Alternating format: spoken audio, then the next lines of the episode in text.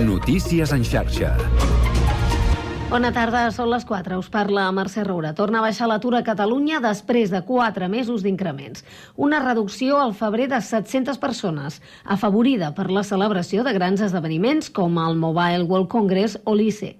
Comparant les xifres actuals amb les d'ara fa un any, actualment a Catalunya hi ha 95.000 llocs més de feina i 5.000 aturats menys. Escoltem Enric Vinaixa, que és el secretari de Treball. La reducció pot semblar eh, eh, poc significativa, però estem partint d'un atur de 346.000 persones, que és la xifra que ens hauríem de referenciar fins al febrer del 2008. Per demarcacions, la xifra de persones eh, sense feina baixa aquest febrer a Lleida, Barcelona i Tarragona i puja a Girona. I setmana clau per la llei d'amnistia al Congrés dels Diputats i els pressupostos catalans a 72 hores pel nou examen de la llei i després que Junts i PSOE hagin donat pistes que arribaran a un acord. La portaveu d'Esquerra, Raquel Sanz, s'ha mostrat optimista. Nosaltres què és el que perseguim? Perseguim que aquesta llei es pugui aplicar i, per tant, quina novetat tenim aquesta setmana respecte a altres setmanes? S'estan acostant posicions, estem en contacte amb les diferents parts i, per tant, som optimistes de cara que puguem disposar d'aquesta llei d'amnistia el proper dia 7 de març. Els socialistes han demanat també els comuns pel que fa als pressupostos catalans. Els de Jessica Albiach insisteixen en que si el govern no atura el pla director urbanístic del Hard Rock, dilluns vinent presentaran una esmena a la totalitat. Per cert que Jaume Asens serà el candidat dels comuns a les eleccions europees en ser l'únic militant de la formació que ha obtingut suficients avals. N'ha aconseguit més de 600 per sobre dels 250 que marca el reglament de Catalunya. En comú per presentar-se a les primàries. Diumenge se celebrarà un acte per proclamar-lo formalment candidat. I el Ministeri de Transports ha adjudicat per 17 milions d'euros la construcció de la nova estació de Renfe a Parets del Vallès. El projecte inclou un nou edifici de viatgers, zones verdes, aparcaments i àrees d'esbarjo que donaran resposta a un nou model de mobilitat ampliant l'àrea d'influència de l'estació. I a la ciutat de Barcelona avui ha començat a circular un nou, un nou vehicle de TMB que detectarà quan algun conductor eh, s'aturi un moment no estacioni el seu vehicle al carril bus i a les parades. Des de l'Ajuntament subratllen que no es posaran multes als cotxes que circulin pel carril bus, només els que s'aturin. Depenent de la infracció es preveuen sancions entre 60 i 200 euros. TMB aclareix que l'objectiu de la mesura no és recaptatori, sinó de millorar la velocitat del transport públic. És tot de moment, tornem d'aquí una hora amb més notícies en xarxa. Fins ara. Notícies en xarxa.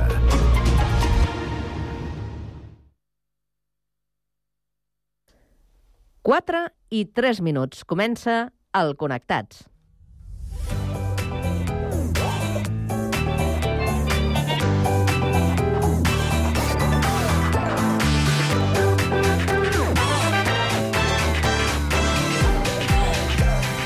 Connectats amb Carme Reversa.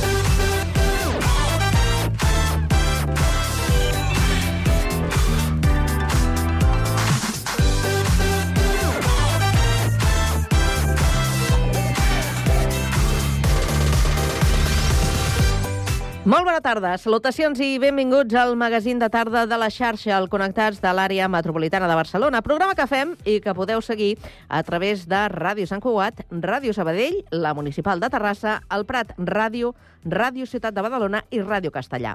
Una salutació de tot l'equip conduït a la part tècnica per Pablo Palenzuela, Sami Fernández a la producció i de qui us parla, Carme Reverte. Avui és dilluns 4 de març i volem saber quin temps ens espera aquesta tarda.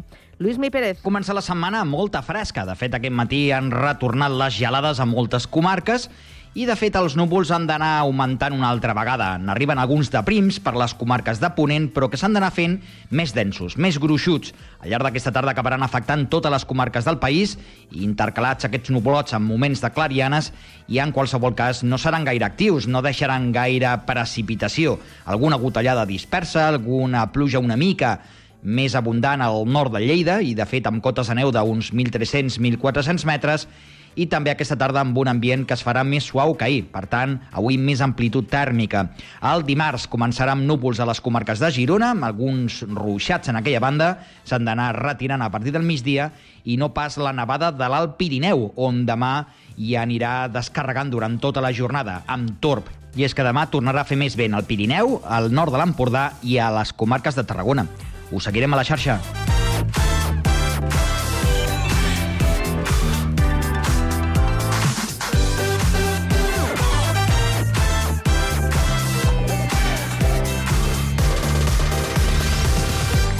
Bé, doncs avui, Dia Mundial de l'Obesitat, al Connectats volem saber com influeix la genètica en el cos de les persones amb obesitat.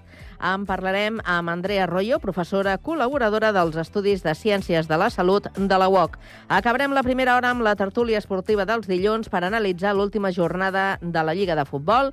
També parlarem de Fórmula 1 i del duel entre Nadal i Alcaraz. A partir de les 5 coneixerem l'entitat Àrees de Gossos de Badalona, de la mà del seu fundador, Antoni Cortada. Continuarem amb ciència per saber els detalls del projecte Les dones fem ciència de l'Escola del Parc del Prat de Llobregat. I acabarem amb cultura per parlar-vos de l'exposició de partitures centenàries que s'inaugura demà al Conservatori de Sant Cugat. Tot això i més des d'ara i fins a les 6 de la tarda a la vostra emissora local. Connectats? Comencem. Dance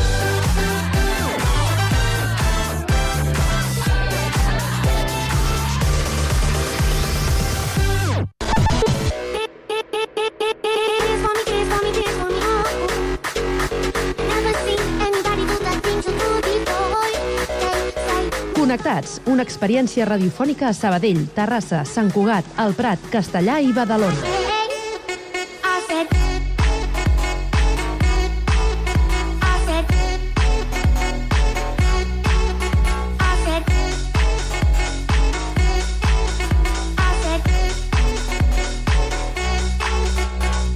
Connectats amb Carme Reverte.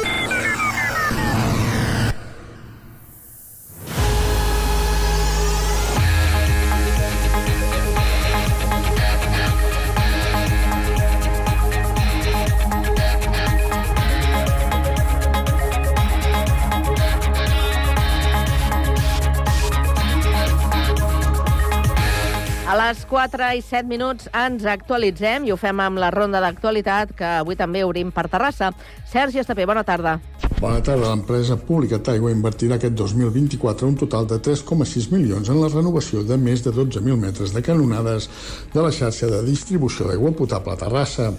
A més, destinarà 1,2 milions d'euros a completar la dotació de sistemes tecnològics de gestió econòmica i comercial i 234.000 euros en la instal·lació de plaques fotovoltaiques als dipòsits de Can Boada i Campo Alt. Aquestes actuacions suposen la part principal d'una inversió total de 5,5 milions d'euros en la millora de la xarxa de distribució d'aigua en baixa de la ciutat, inversió que comprèn també la construcció d'un dipòsit a la Grípia de 8.000 metres cúbics de capacitat.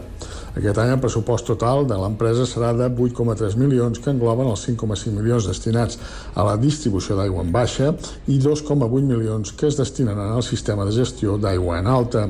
Una part important d'aquesta última s'aplicarà a l'execució amb una inversió de 850.000 euros del reemplaçament dels calderons antiaret, peces fonamentals en la protecció del sistema de transport en alta. Gràcies, Sergi. I ara seguim per la Q-Capital. Des de Sabadell ens informa Pau Duran. Bona tarda. Bona tarda. Baixa l'atur a Sabadell durant el mes de febrer. Hi ha 58 desocupats menys que el gener. En total són 11.418, el que suposa una taxa d'atur registral del 10,89%. També ha baixat el conjunt del Vallès Occidental, on 89 ciutadans tenen nova ocupació. Així, hi ha 45.187 desocupats a la comarca. En aquest cas, suposa un 9,74% de la població en edat de treballar. A Catalunya, l'atur registrat de febrer recula en prop de 700 persones i se situa en 346.373 aturats. El Mobile World Congress hi pot haver ajudat, però pel secretari de Treball, Enric Vinaixa, hi ha més factors. No és un sol eh, factor, és multifactorial. Que la Setmana Santa doncs, estigui més propera doncs, in, eh, influeix. La, el dinamisme també del teixit productiu del mes de febrer. Podríem pensar d'alguns esdeveniments que també han contribuït però per això els assenyalava també el comportament positiu del sector industrial en un mes de, en un mes de febrer. Es tracta de la quantitat més baixa en aquest mes des del febrer 2008, quan hi havia 290.912 persones aturades. Gràcies, Pau. Anem ara fins al litoral i des de Badalona ens informa Santiago Espasa. Bona tarda. Tarda, Carme, doncs els habitatges construïts amb sostre en base de ceràmica, com els edificis de la promoció de l'illa de Canigó, són els que més preocupen al Col·legi d'Arquitectes. Es tracta d'un sistema constructiu que va desaparèixer a la dècada dels 60 i que, al contrari de la norma actual, conté quantitats mínimes de ferro.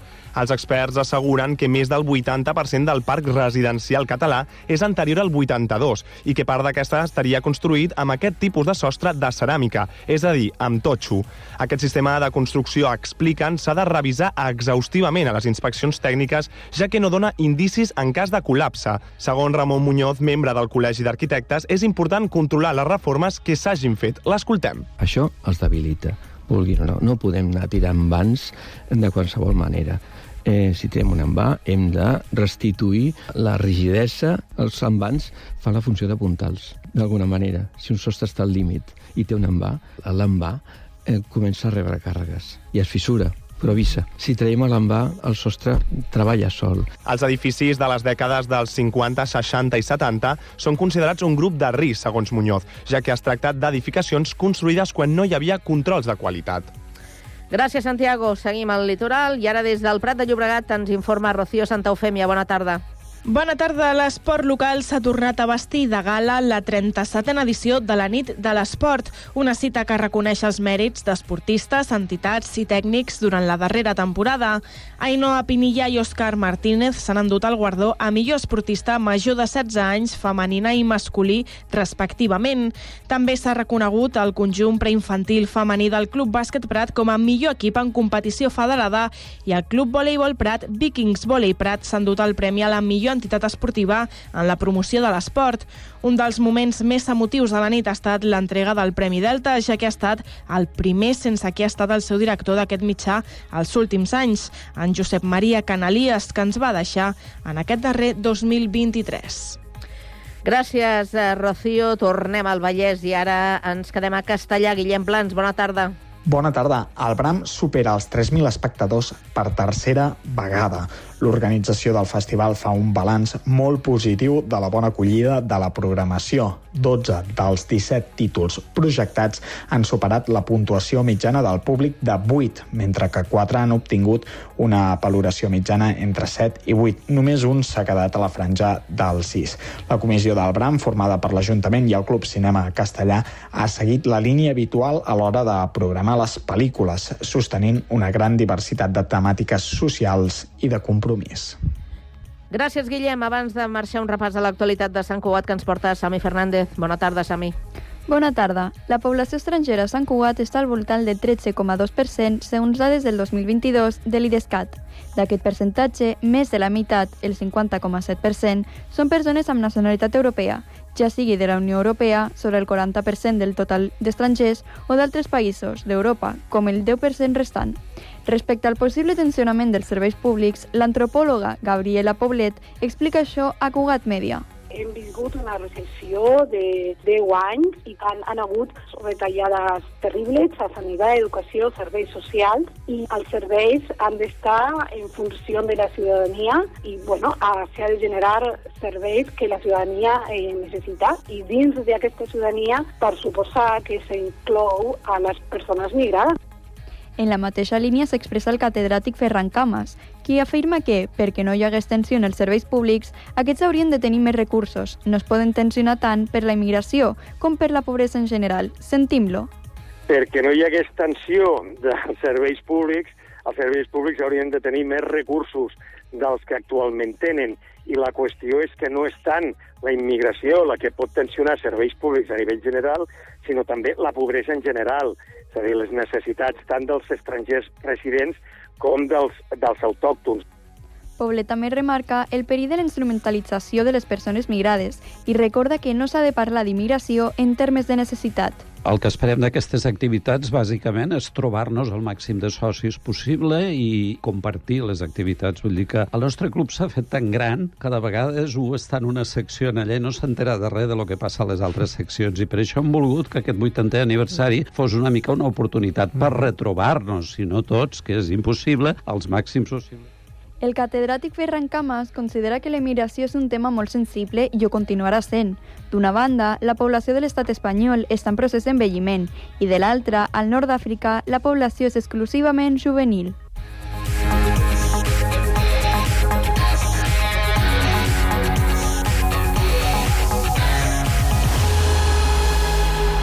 A la tarda, no et desconnectis. A la teva ràdio local, connectats. Can't touch this. Touch this.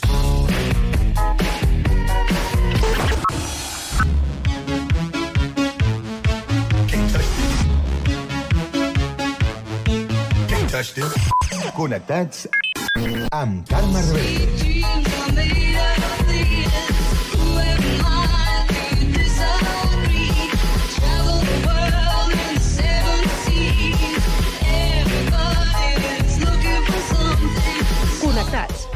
Experiència radiofònica a Sabadell, Terrassa, Sant Cugat, El Prat, Castellà i Badalona.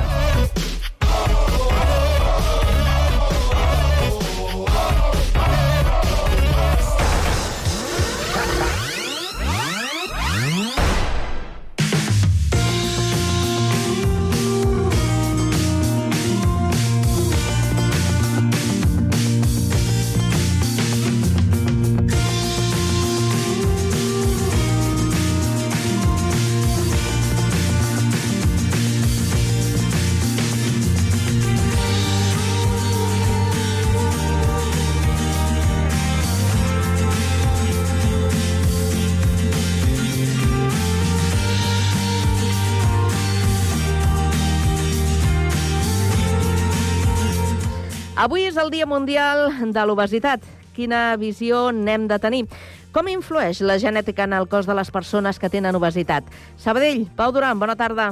Bona tarda, doncs en parlem amb l'Andrea Arroyo, que és professora col·laboradora dels Estudis de Ciències de la Salut per la UOC. Gràcies per atendre'ns, Andrea. Gràcies a vosaltres. És així, per tant, el, els gens ens predisposen eh, a, a ingerir, diguem, mm, coses que ens donin més energia i després a gastar-ne menys? Diguéssim que hi ha una predisposició genètica, com ja ha explicat en altres medis no? el, el meu company Salvador Massit, però aquesta predisposició hi ha moltes maneres de després jugar aquesta, aquesta partida de joc, no? que es diu.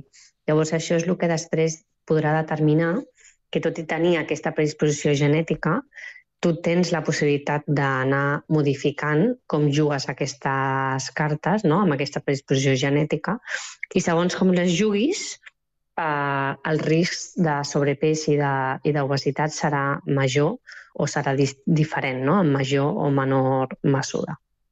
Llavors, mm, és gaire important el, el percentatge de la incidència de la genètica en, el, en la obesitat? El, el qui té la sort, no sé si dir-li tenir una genètica bona o que el predisposi menys, té molta més màniga ampla? Bueno, diguéssim que té una, té una influència, però clar, després és molt important també la influència de, de com jugues aquestes cartes que jo deia. Perquè si tu tens una predisposició, però després hi ha altres factors que sí que són modificables i tu, per exemple, intentes mantenir bons hàbits alimentaris i saludables o intentes uh, fer una, un estil de vida el més actiu possible, treballar molt el que és l'exercici de, de força, fugir del sedentarisme, evitar els nivells d'estrès, no? intentar dormir i descansar lo suficient i el que el teu cos necessita, perquè a dia d'avui se'n parla molt del, de lo que és la relació entre la qualitat del son i el pes i la cronodirrupció, però això abans, fa 10 anys, no, no, que pràcticament no es parlava no? d'aquest tipus de factors. Llavors, si tu eh, de tot el que sí pots modificar intentes fer-ho el millor possible, no? aquesta càrrega genètica, tu cargues aquesta, diguéssim, eh, arma de foc, però després la manera en què tu ho gestiones també acaba influint moltíssim. S'han donat a conèixer unes xifres eh, que posen una mica el, els pèls de punta. S'espera que pel 2035 una de cada quatre persones al món tingui obesitat. Hmm. Realment són xifres bastant alarmants, però jo crec que al final eh, sembrar l'alarma mm, no sé fins a quin punt ens ajuda. Jo crec que el que sí realment ajuda o pot ajudar més, si, si no, és el tema de buscar solucions, no? de que ja sabem que l'obesitat és, un, és un problema de salut pública i això no, no existeix des d'avui. Però jo crec que el millor és, en comptes d'alarmar tant la població o de, o de rebre aquest tipus d'amenaça des del punt de vista de la salut pública, bueno, responsabilitzar-nos tots, cadascú té un tros del seu pastís, no? i jo crec que hem de buscar solucions i hem de posar-nos en marxa i crear tota una sèrie d'accions i de mecanismes que fins ara doncs, encara no s'han creat i que ajudi, doncs, si no a reduir, almenys a congelar aquestes xifres. No? Llegíem a la nota que m'ha agradat molt com ho explicàveu, el, el fet de- d'estar de, gras, aquesta obesitat física, comporta un parell de pesos més, que són la culpa i l'angoixa. Tal qual. Hem de treure-li pes al pes, perquè al final és el que dic, no? Si això l'únic que et comporta és, és vergonya, és culpa i és ansietat o angoixa des d'aquest lloc, des d'aquest punt de vista, poc predisposat estaràs a buscar solucions, realment. Jo crec que estaràs més aviat absorbit per aquesta culpa i per aquesta vergonya i per aquesta angústia. No? Llavors, una persona, una persona necessita estar mínimament bé per responsabilitzar-se de la situació i veure quines coses ella sí que pot fer per solucionar-ho o per almenys millorar-ho, no? Quan dius responsabilitzar-se, quin objectiu en positiu ens podem traçar? Viure més anys o viure millor?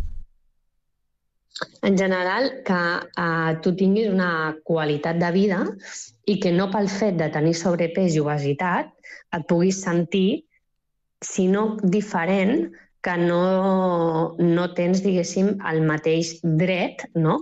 que altres persones que no tenen aquest accés de, de greix o aquest excés de pes. A mi m'agrada més dir excés de greix o excés de pes, perquè el pes en si ja té una connotació negativa, no? el fet de, de, de fer servir aquesta paraula.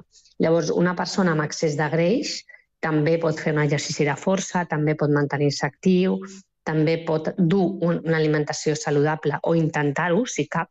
Vull dir, no té menys dret que altres persones, no? I jo crec que el tema de l'estigma i, de, i de la grassofòbia està fent molt de mal perquè les creences socials que sostenen això és que una persona amb excés de greix és perquè menja malament, és perquè no és capaç de menjar bé, és perquè té la culpa de tot i d'estar així i és perquè no es pot moure, no? Llavors, eh, si no fugim d'aquestes creences limitant i d'aquest estigma, tampoc li estem ajudant gaire a la persona que realment té aquesta situació, no?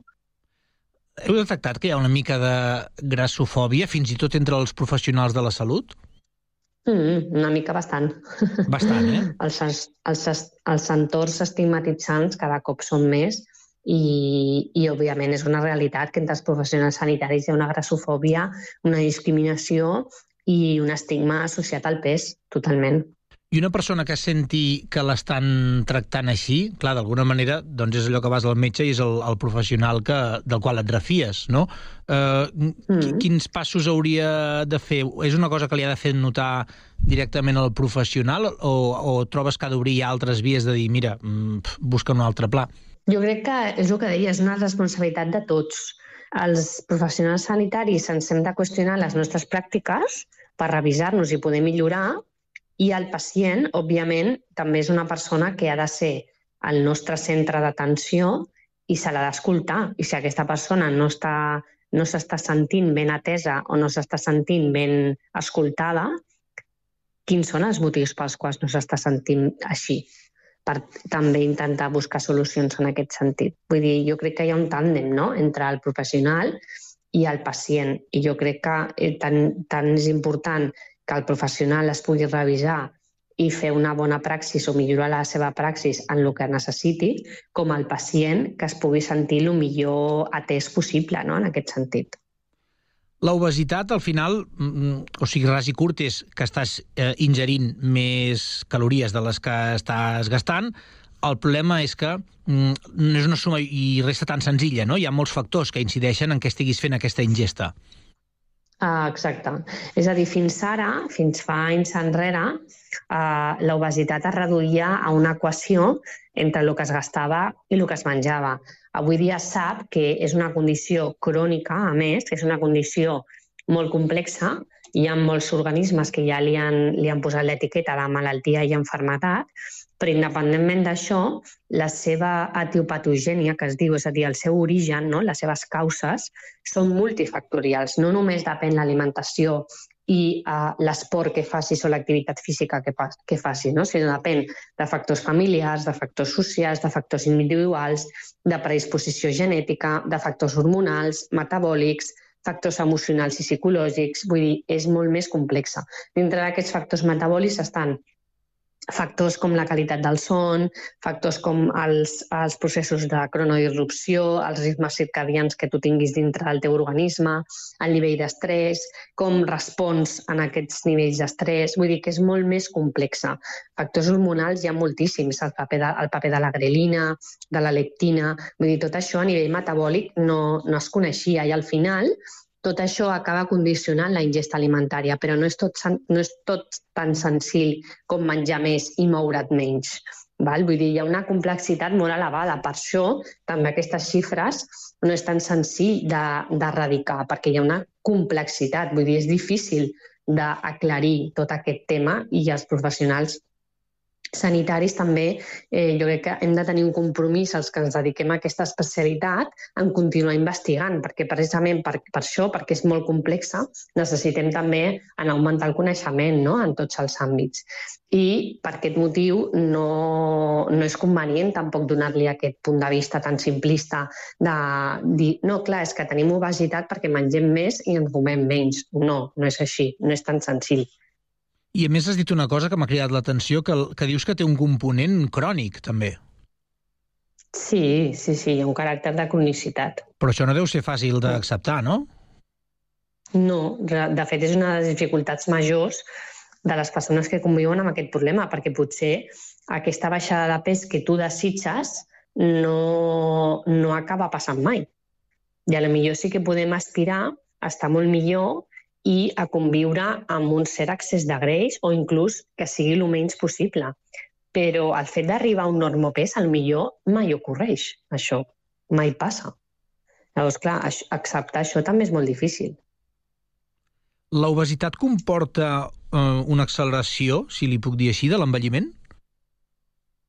Diguéssim que també hi ha estudis que l'excés de greix fa que hi hagi un, una acceleració no? o un risc major de que les teves cèl·lules acabin envellint o de que els processos d'oxidació acabin sent més eh, accelerats que no en persones que no tenen accés de greix. Això ho ha explicat de manera molt simple, eh? però més o menys seria això. Mm -hmm. el, causa també el, algun efecte en, en els teixits?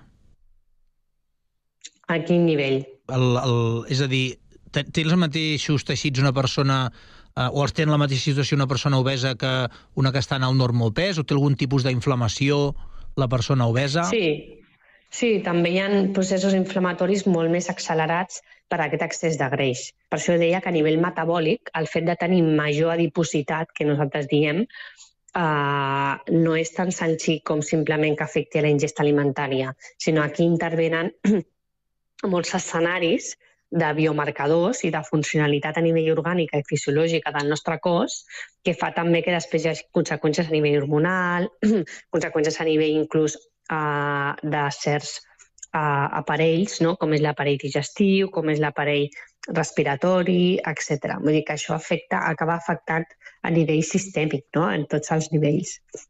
Hem parlat de la predisposició genètica, però ben bé, aquests gens, com, com actuen? Què, què és el que fan eh, perquè nosaltres adquirim aquesta obesitat? Diguéssim que eh, el que fan és tenir com una certa, com un cert afavoriment a que altres persones que no tenen aquesta predisposició genètica ho tinguin una mica més difícil per eh, mantenir-se amb un normopès, explicat d'una manera molt simple, no? Però llavors què fan? És a dir, ens predisposen a buscar més menjar o, o una mica... Clar, tot ha evolucionat molt ràpid, però no fa tant segles doncs una persona buscava menjar perquè no sabia quan tornaria a menjar, també, no diguem? Mm, exacte. Sí, diguéssim que nosaltres tenim també una empremta genètica val? que no ha evolucionat a la mateixa velocitat que ha evolucionat al nostre entorn. Llavors, la nostra empremta genètica la que té és, ostres, anem a reservar no? aquest dipòsit d'energia perquè no sé quan podré tornar a, a, a, a agafar o a buscar o a, a trobar, millor dit, aquesta energia. Què passa? Que l'entorn que tenim ha evolucionat molt més ràpid que la nostra empremta genètica. I al nostre entorn, la realitat és que tenim un accés completament, jo diria que mm, uh, continu a lo que és la disponibilitat d'aliments. És a dir, avui en dia hi ha molts súpers que inclús obren 24 hores. Llavors, si tu vols tenir una disponibilitat d'aliments, és pràcticament immediata. Això abans, en els nostres uh, antecedents i en els nostres antepassats no passava. I després, per una altra banda, que aquesta disponibilitat normalment és aliments que són poc, poc saludables, no? anem a dir, d'alguna manera, perquè és molt més fàcil trobar aliments processats que no aliments uh, saludables. A més a més, aquí entra un factor social important, que és l'economia. Llavors, eh, abans, no?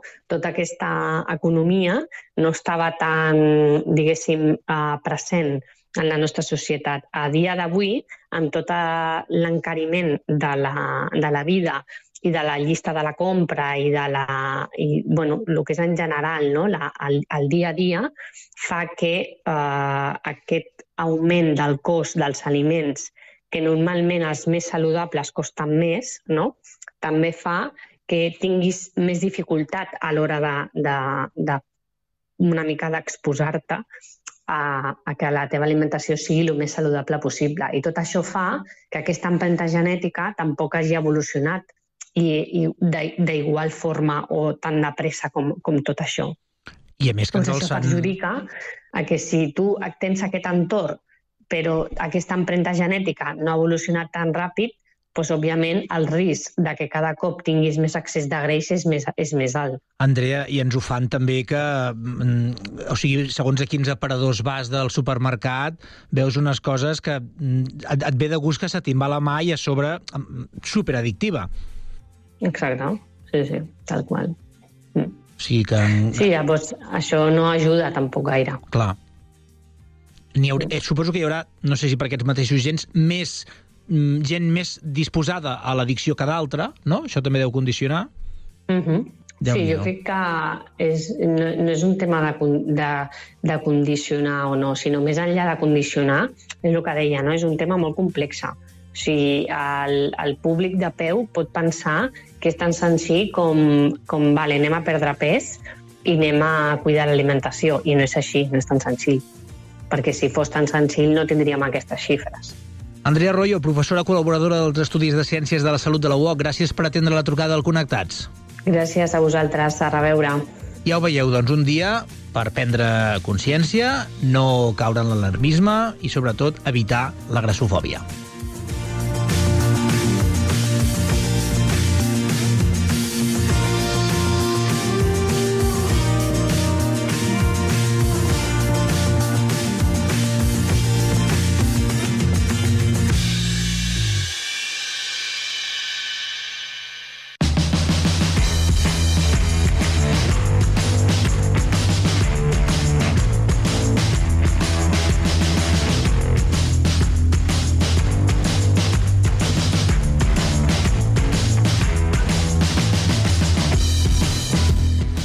3 minuts i mig de dos quarts de cinc de la tarda i ens disposem, com cada dilluns a aquesta hora, a fer tertúlia esportiva. Saludem els nostres tertulians.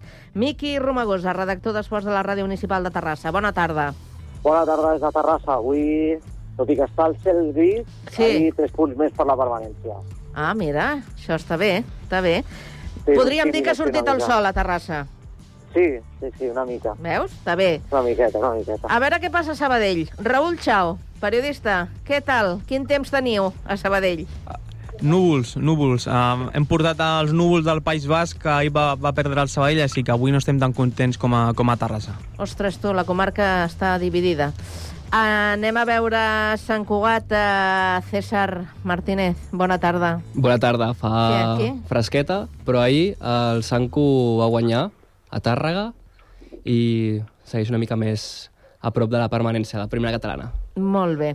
Doncs fet el repàs meteorològic esportiu, eh, continuem el repàs. Una secció nova, no? És una secció nova.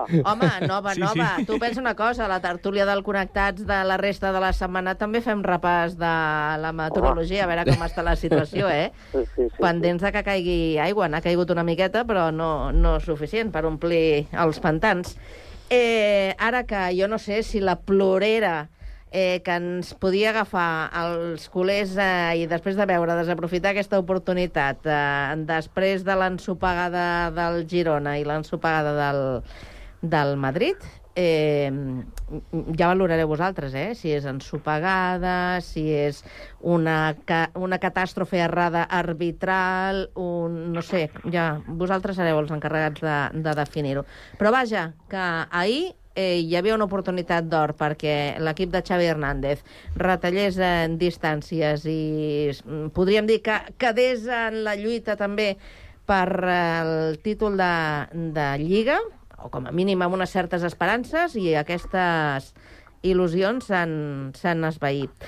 Una jornada que entrem en el repàs. Què és el que destacaríeu de tot el que ha passat en aquesta última jornada de, de Lliga, Miqui?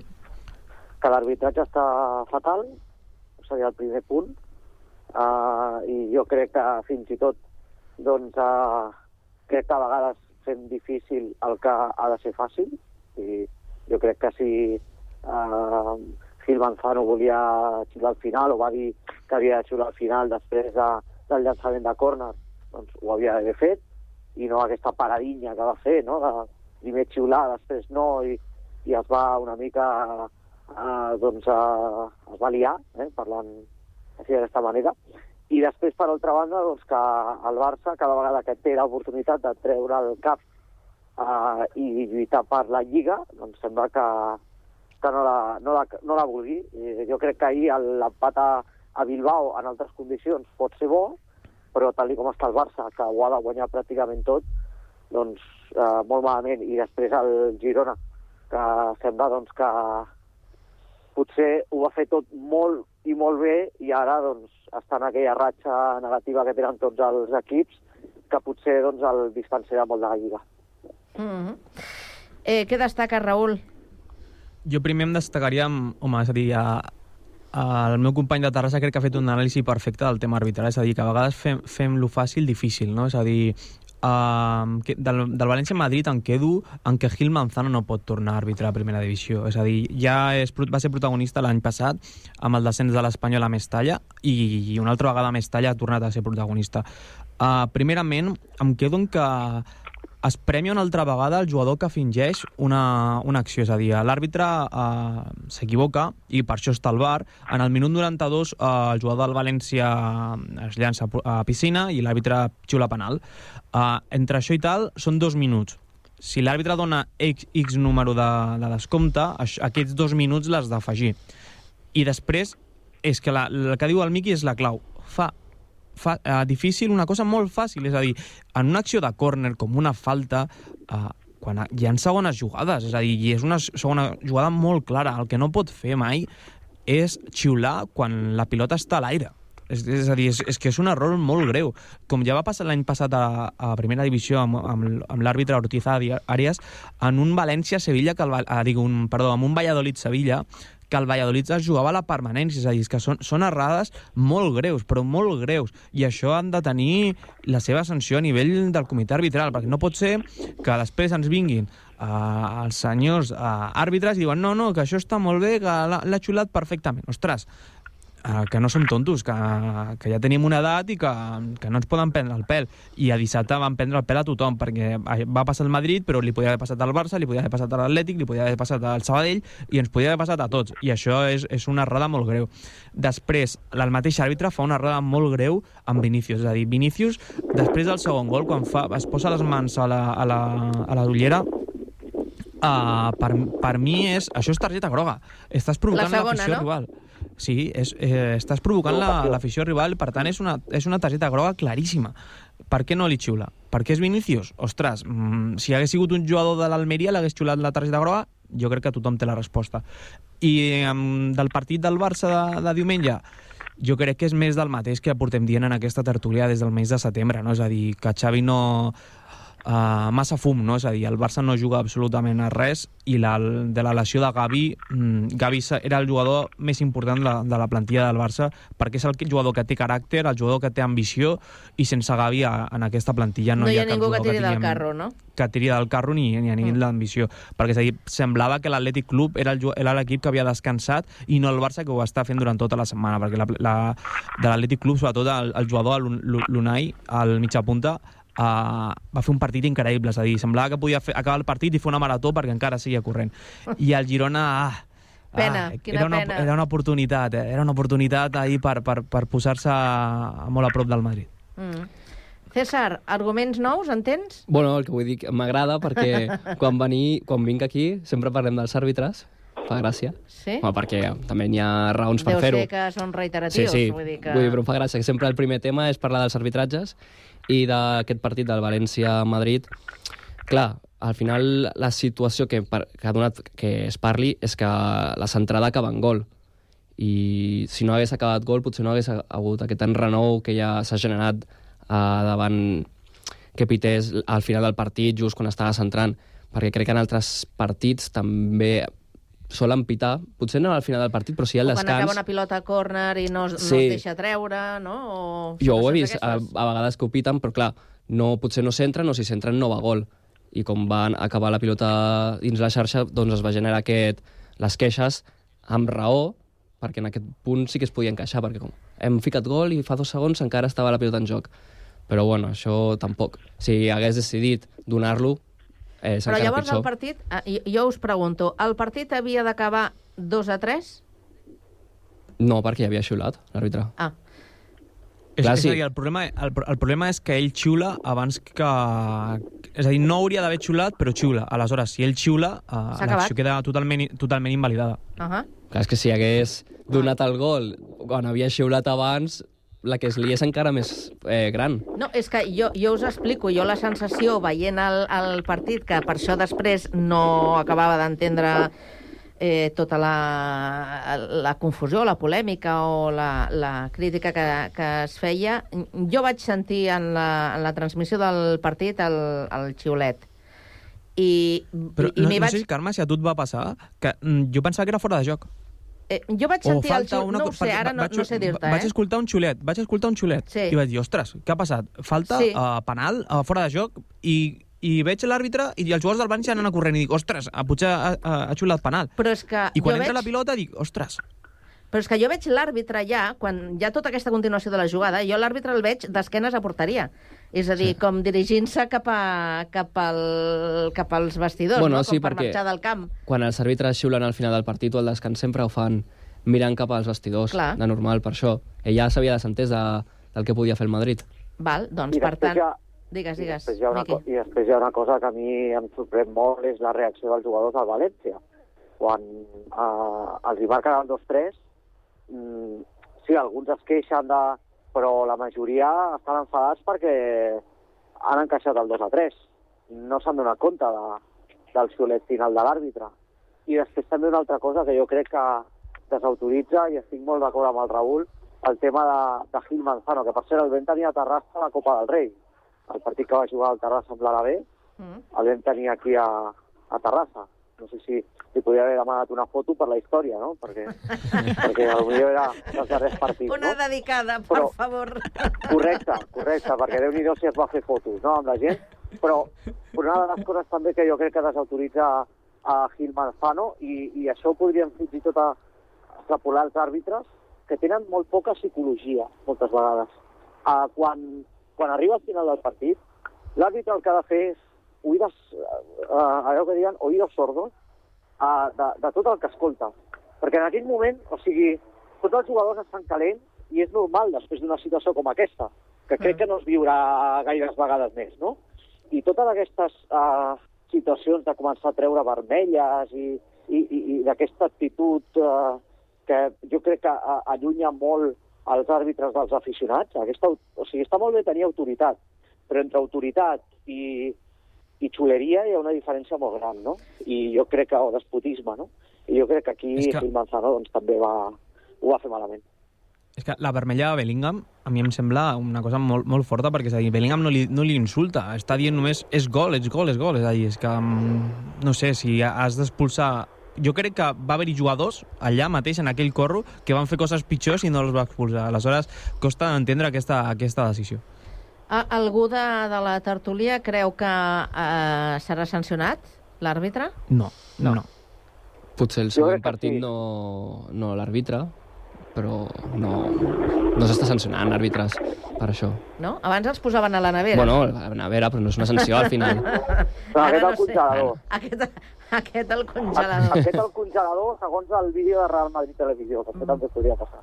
Eh, un dels tertulians de, dels dilluns, perdoneu, un dels tertulians del, del dilluns eh, eh, ens va advertir en el seu moment, fa unes tertúlies, ara m'estic referint al Girona, que el Girona tindria feina per quedar entre els quatre primers.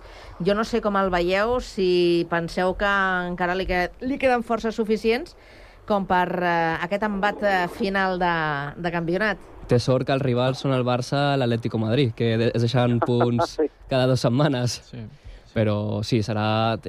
tindran feina per a aguantar-ho també amb l'Atlètic Club, amb el nivell que tenen, hauran de guanyar partits. Si segueixen amb aquesta dinàmica de que estan perdent o empatant, no...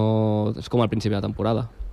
El problema del Girona és que té tres jugadors que són molt importants a l'hora de sortir la pilota des del darrere. Un que és Daile Blin, el segon és Miguel Gutiérrez i el tercer és Aleix Garcia. Uh, el primer que és Daile Blin, que porta s'ha perdut els últims tres partits, en aquest últim sí que estava convocat, però no estava al 100%, i és un jugador molt important, i a- nivell defensiu encara més.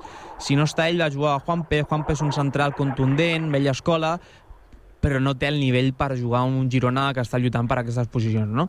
Aleshores va, va trobar en falta molt a, a aquest jugador i a més que el Girona també uh, la, la primera volta que va fer va ser una volta històrica i és hauria de passar 10 anys una altra vegada per tornar a fer això, és a dir, que va enganxar com no sé quantes remuntades seguides, no perdia un partit, només va perdre el partit contra, contra el Madrid a, a Montilivi, aleshores això és molt difícil de, de, de veure. Um, malgrat això, el Girona va tenir ocasions per empatar. I ara té un calendari a priori assequible fins al mes d'abril que, que ha de jugar contra, contra el Betis i contra el Barça jo crec que el Girona té la plaça de Champions assegurada perquè l'Atlètic Club el té a 10 punts aleshores ho hauria de fer molt malament i no crec Va. Eh, vols algú, afegir alguna cosa, Miqui, o, o anem al Barça? Sí, no, bueno, jo només comentava el Girona que jo crec que, que ell ja, o sigui, el Girona ja ha fet la temporada que havia de fer i a partir d'aquí l'únic que queda és doncs, veure quin serà el premi final, però la temporada el Girona ja l'ha ja feta. Si parlem del Barça, dues qüestions. Eh, ara, abans d'entrar a la tertúlia, em deia el César, uf, amb el Nàpols ja veurem, ja veurem Ah. què passa. Jo no sé si eh, an- aneu perdent la confiança en aquest Barça a la, a la Champions, que algun pitonisso diu que guanyarà, no sé. Jo no sé. que guanyarà la Champions, no sé com, però vaja, eh, molta, molta, molta imaginació. A, aquest és un tema, no?, de, de l'estat actual del Barça per afrontar la competició de, de Champions. I després, el tema de les eh, lesions. Jo no sé si recordeu un Barça amb tantes lesions al llarg de la, de la temporada que no sé si posa en interrogant eh, la, la feina de preparació física que, que s'està fent. No ho sé. Què sí. penseu? A, mi- a mi, sobretot en, a, en el que va a la Champions, el Barça a la Champions depèn d'un noi de 16 anys. Depèn absolutament d'un noi de 16 anys que marqui dos gols, perquè jo crec que el Nàpols marcarà un gol segur, és a dir, perquè el, el nivell del Barça a nivell defensiu és molt fluix, i depèn de, de la Mal. El Barça depèn absolutament de- d'un noi de 16 anys, i això és el més preocupant de tot. Perquè al mig del camp, ara mateix, el Barça al mig del camp té a Christensen, que és el pivot, un central, té a Gundogan i té a Fermino. Aquest és el mig del camp del Barça per llu- lluitar una Champions. I a la banqueta té els jugadors del B. Marc Caçador, uh, Pau Prim... Bueno, la Bernal. Roca Romeu, també. Sí, però jo crec que aquest no...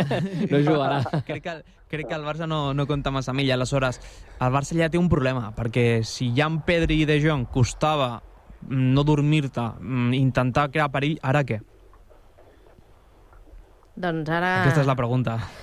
Sí, sí, serà, serà complicat. Serà complicat. Miqui, tu com ho veus, tot plegat? Jo veig que, que el Barça, per exemple, doncs, eh, potser es dona la sorpresa no? que, que el Barça pot arribar lluny a la, a la Champions, perquè a vegades és això, no? de, de tenir tres o quatre dies eh, bons, brillants, no? Però bueno, això habitualment li passa al, al Real Madrid, no li passa pas al Barça. Ah, no? exacte, això estava pensant. I molt I haurien... després- És que, Sí, sí. Car Carme, mira una cosa, estic mirant per del cas, del cas de Pedri, per tema de que és un jugador que es lesiona habitualment, però és que la setmana passada, que va ser el partit contra Getafe, va jugar 7 minuts, és a dir, que va ser un va descansar i portava dues setmanes només jugant 7 minuts i aguanta 45, és a dir, és que no és una càrrega de partits molt importants perquè si an anteriorment, des del partit de Nàpols de la Champions, des del dia 21 de febrer, havia fet 1, 2, 3, 4, 5, 6, 7, 8, 8 titularitats consecutives, és a dir, si es lesiona dintre d'aquest període, direm, ostres, és que ha tingut massa càrrega de partits, però és que porta de dos partits que no era titular. Aleshores, és la, el que el que sobresurt una mica perquè dius, no, no, no s'entén, i a més es, es fa una lesió en un passe no amb un xut, sinó és que es fa un passe amb l'interior, és a dir, que és el que, el que no s'entén massa amb una lesió com aquestes. I amb De Jong, ostres, és que De Jong les últimes temporades sempre ha tingut aquest període de dos, tres mesos lesionat i, i a més aquest, en aquesta mateixa temporada, al principi de temporada ja va estar dos mesos fora. Aleshores, ostres, mm, és el que dius, eh? De qui és la culpa? Del jugador, l'alimentació o que hi ha altres coses externes? Bueno, jo crec que el tema Pedri també és una mica de no saber dosificar el jugador, de, de saturació, perquè jo crec que, que aquella frase, no?, que diuen, no, els jugadors són joves i han de jugar. Sí, però amb uns límits. O sigui, jo crec que, que, un jugador de 20 anys, doncs, a vegades també ha de tenir doncs, eh, molt de, de descans, no tan sols eh, físic, sinó també mental, per la pressió, per el canvi de, el que passa de ser un noi eh, del carrer sense popularitat a ser una persona popular, que surt a, als diaris, a la tele, que surt per tot arreu. Clar, tot això jo suposo que, que, que tot això influeix, no? I, i aquí potser, doncs, clar, crec que Pedri no ha jugat ni el 50% de, dels partits de, des de que està al Barça. Llavors, clar, jo crec que aquí hi ha un tema més físic, que ja estem veient, no?, que també altres jugadors els està passant, un tema mental.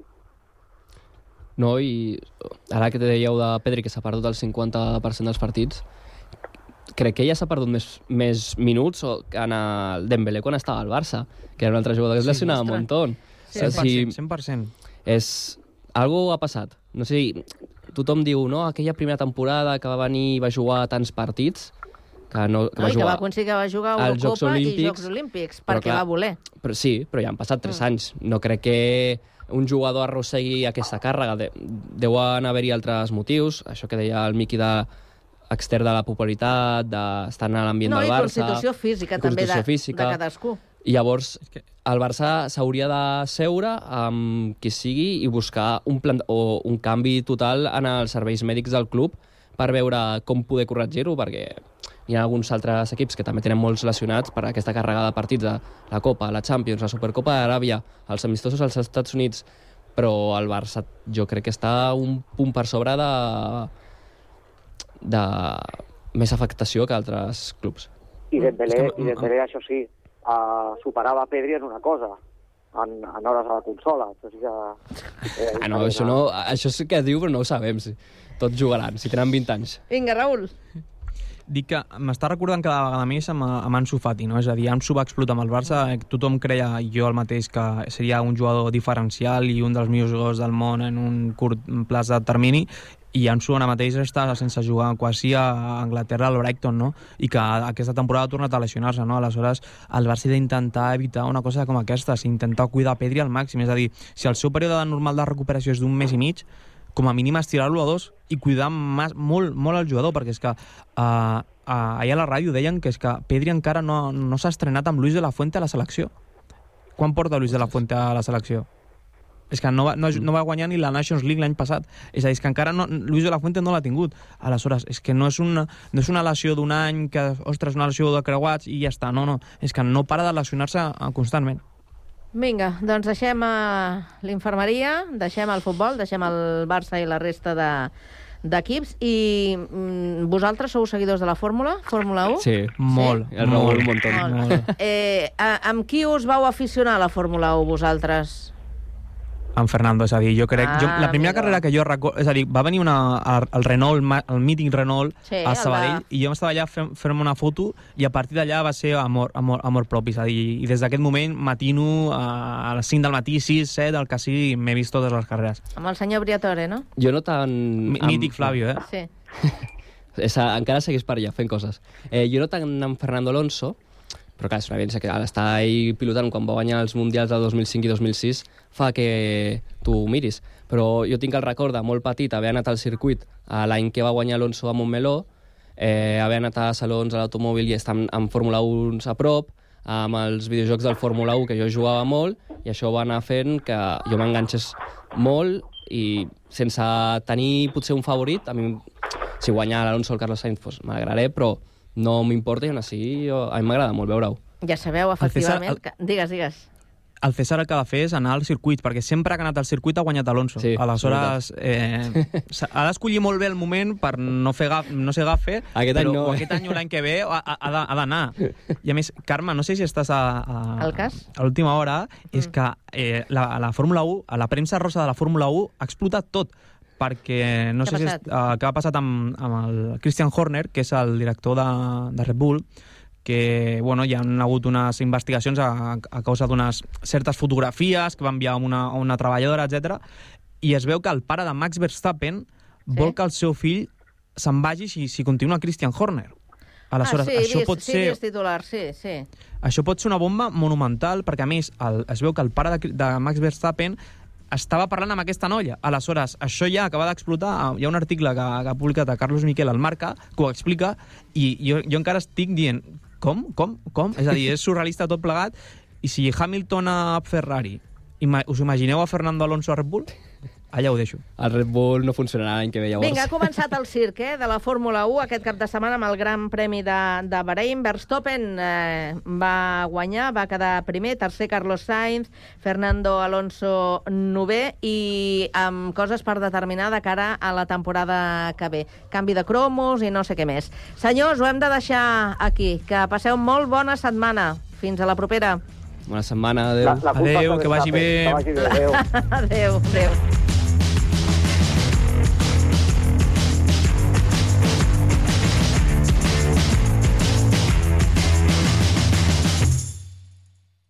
La banda sonora de la teva vida a Ràdio Sant Cugat.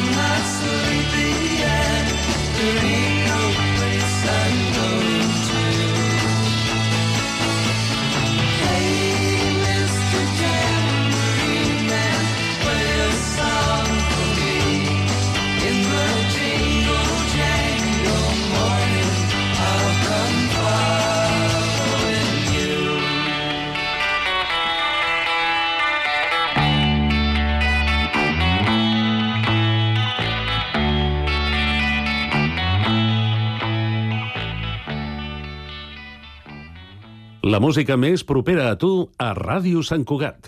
Somriurem quan tot falli. Abraçarem el temps junts quan el món s'encalli. Somriurem quan tot falli. Guardo una vida cada instant. La rosada estesa el seu vel fred i humit. A poc a poc ha anat quedant buida la plaça. Guardarem un bon record d'aquesta nit quan sota els estels tot el poble ballava.